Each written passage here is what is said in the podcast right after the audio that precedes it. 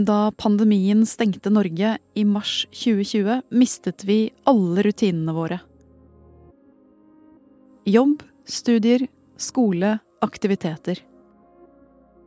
Og med det mistet vi også struktur og retning, og for noen kanskje selve meningen i hverdagen. De tingene der, struktur og mening, er noe alle trenger. Og barn og unge trenger det kanskje aller mest. Underveis i pandemien har mange lurt på hva alt vi mistet ville gjøre med oss. Nå er vi i ferd med å få noen svar. Du hører på Forklart fra Aftenposten. Jeg heter Marte Spurkland. I dag er det tirsdag 19. april.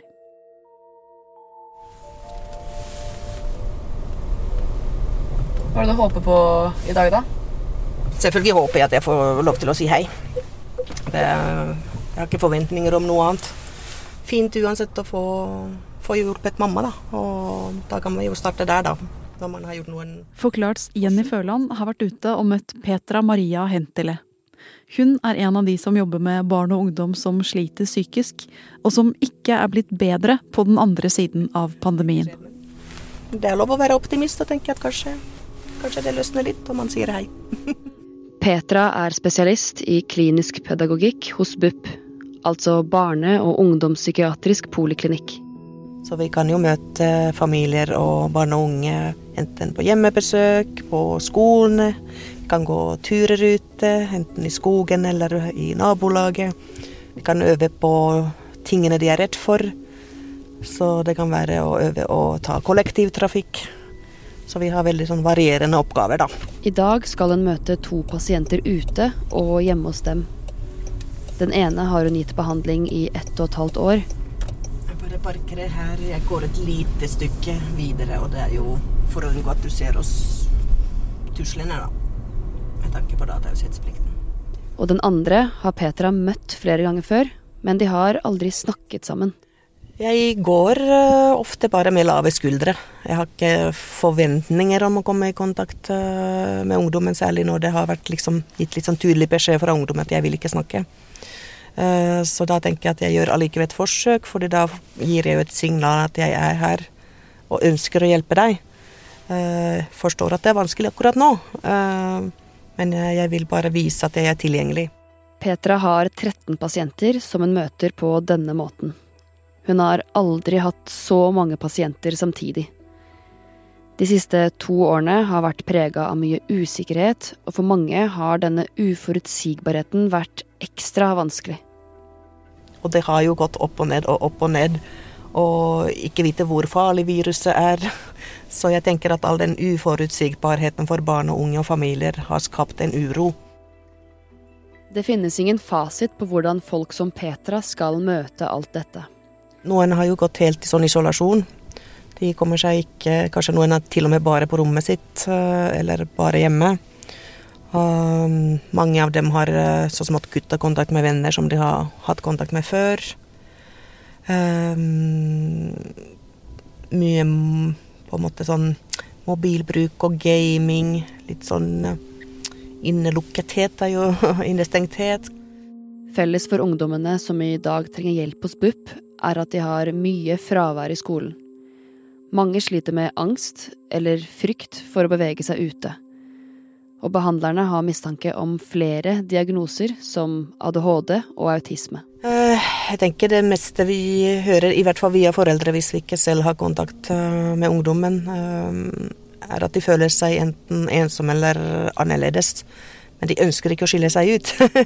Alle ungdommen har liksom lyst til å være helt vanlig og være sammen med andre og ha en tilhørighet. Og så på en eller annen måte har de da kanskje forståelse for at man ikke er som alle andre.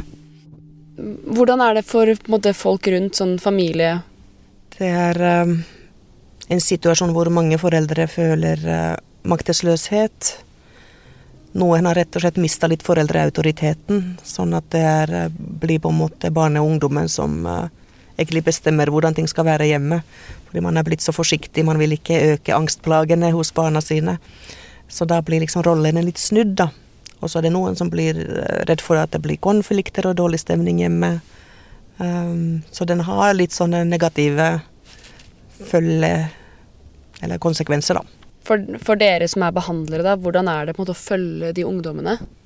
Uh, Det er jo også vondt, selvfølgelig, og særlig hvis det ikke ser ut til å gå liksom riktig vei, eller at det um, står litt i stampen, egentlig, eh, og man prøver litt ulike varianter og bruker sin kreativitet, og så ingenting skjer. Så vi kan jo kjenne på samme type rådvillhet, da. Eh, Hva er lurt å gjøre nå? Vi ser at ungdommen ikke har det godt, og så har vi ikke kommet på noen gode løsninger. eh, Men samtidig så er det de gangene du får til endring, da er det jo veldig givende. se at det går riktig vei, da. Eh, så da er det jo veldig sånn Man føler en sånn takknemlighet eh, at man har en denne type jobb, da.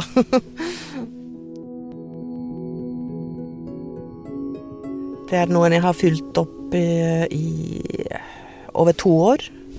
Um, Starta med full isolasjon. Uh, og så ble det sånn gradvis forbedring, eh, litt og litt. Og så hadde jeg tenkt at vi jobber mot sommerferien. Men for to uker siden så, så jeg en endring i kroppsspråket. En trygghet hos ungdommen. Og så spurte jeg men er det egentlig noe mer vi, vi to sammen kan gjøre, eller er du, er du klar for en utskriving fra BUP? Og så smilte han veldig bredt og sa Nei, jeg tror jeg er klar for avslutning. og det var en, sånn et veldig fint øyeblikk. eh, der eh, både han var glad, jeg var glad. eh, familien ble glad. sånn at eh, det var i hvert fall sånn utrolig følelse som ikke kommer sånn kjempeofte. at du avslutter tidligere enn du har tenkt. Eh, så det, det var i hvert fall et øyeblikk som jeg eh, kommer til å huske lenge. Petra vet at det hun gjør når hun er ute på slike oppdrag, fungerer. Men hun vet også at mange trenger mer hjelp enn før. Nå er trykket på helsevesenet så stort at det begynner å bli vanskelig å følge opp alle som har behov for oppfølging. Og eksperter på psykisk helse har begynt å snakke om den tapte generasjonen.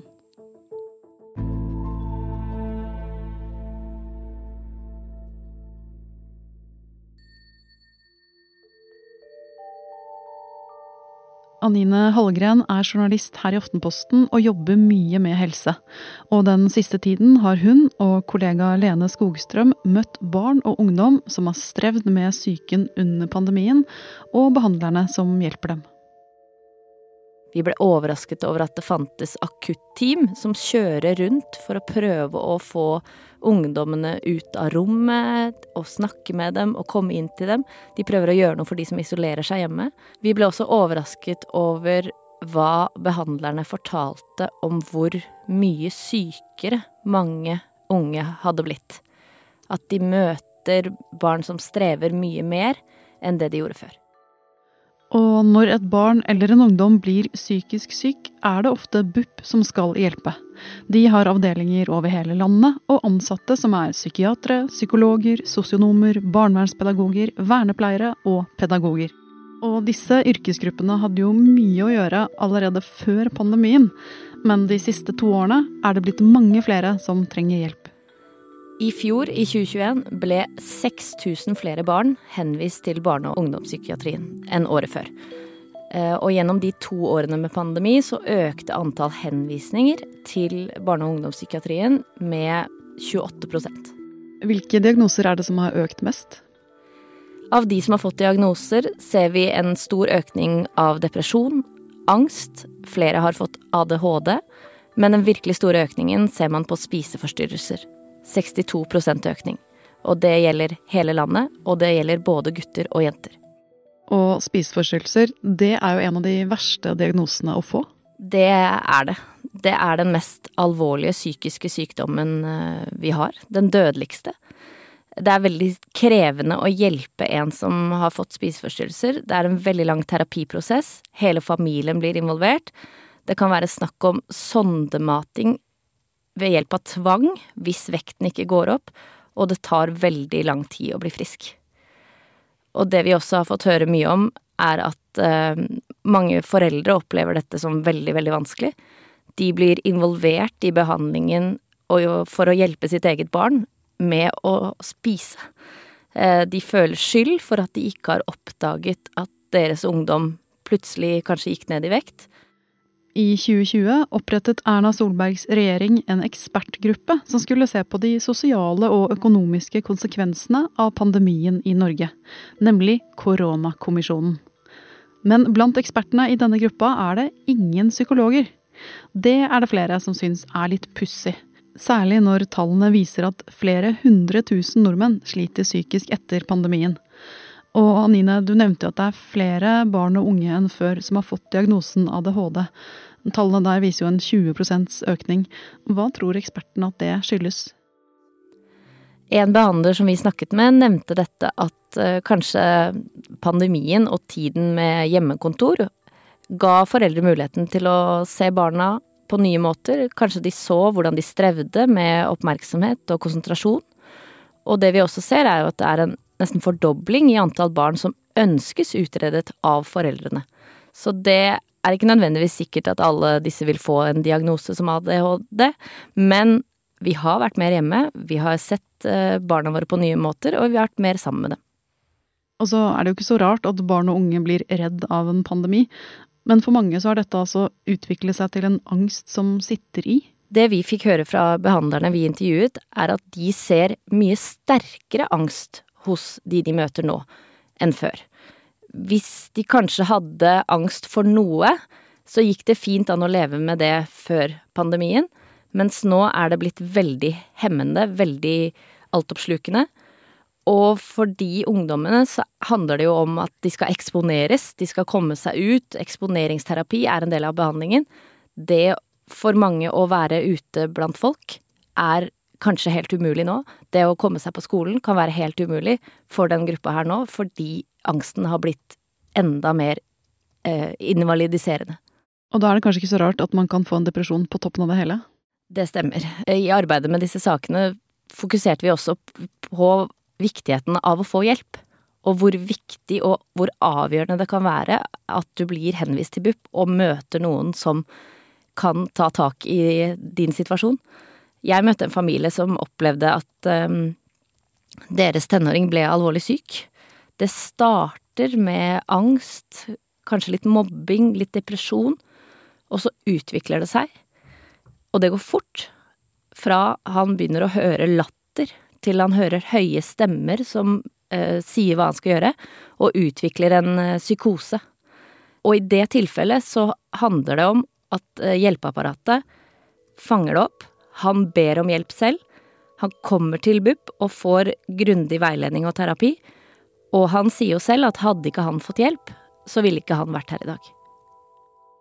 Dette går ikke over, sier en overlege som Anine intervjuet. De psykiske lidelsene som unge folk har nå, kommer til å bli et generasjonstraume. Hva betyr det? Det de mener er at de er redd for at dette setter seg mye dypere enn hvordan vi f.eks. ble påvirket av en pandemi og dette viruset. Eh, psykiske vansker setter dype spor som det er vanskelig å bli kvitt. Eh, og noe av dette handler også om en bekymring for hvordan de barna og unge som strever nå, vil utvikle seg på lang sikt. Hvordan de vil mestre livet som voksne man er redd for at vi får en stor økning i unge uføre knyttet til at de har plager nå. Og man er også usikker på hva det vil medføre at vi nå har veldig mange unge, noen helt ned i ni-tiårsalderen, som strever med alvorlige psykiske lidelser. Hvordan blir livene deres når de er 20? Det har vi kanskje ikke sett før. Hva med de som står rundt det barnet eller den ungdommen som blir syk, altså familie, foreldre, søsken, venner, hva kan de gjøre? Når et barn eller ungdom blir syk, så angår det i disse situasjonene hele familien. Det påvirker hele familien. De blir involvert kanskje i behandlingen, men de står også rundt en person som trenger dem. Vi har snakket med flere som mener at uh, det nettverket rundt kan utgjøre en stor forskjell. Ved å være der, ved å snakke, ved å sørge for størst mulig grad av normalitet, ta oss tilbake til hvordan det var før, få i gang aktivitetene, normale måltider, det vanlige livet slik vi hadde det før pandemien. Og så er det også mange i sykehusene som peker på at det finnes en del hjelpetilbud på lokale nivåer Ung Arena, helsestasjon for ungdom, helsesykepleier på skolen din. Mange som det går an å strekke ut en hånd til, på et lavt nivå, uten at det trenger å havne på sykehus av den grunn. Å bli frisk kan være en langsom prosess. For Petra handler det om å se de små endringene på veien. Selv ett enkelt ord kan være et stort fremskritt. Hvordan gikk det? Eh, holdt på å si, Det gikk jo bra, men, eh, men hun har jo ikke lyst til å snakke. Men eh, sånn på tampen så spurte jeg om jeg kan bare si ha det, så jeg kunne si ha det, men hun sa ingenting tilbake. Så enveiskommunikasjon, da. Yes! NOS-kommunikasjon. Tenker at vi, vi prøver. Så hun er med på behandlingen? Altså mammaen. Mamma, mamma. Mamma er med på planen i hvert fall, så vi gjør noen forsøk til da også hvis, uh, hvis vi ikke kommer i kontakt verken med legen eller meg, så da må vi bare tenke nytt. Og om vi da jobber litt med samarbeid med henne og kanskje få skolen på banen og sånne ting. Så det blir spennende å se.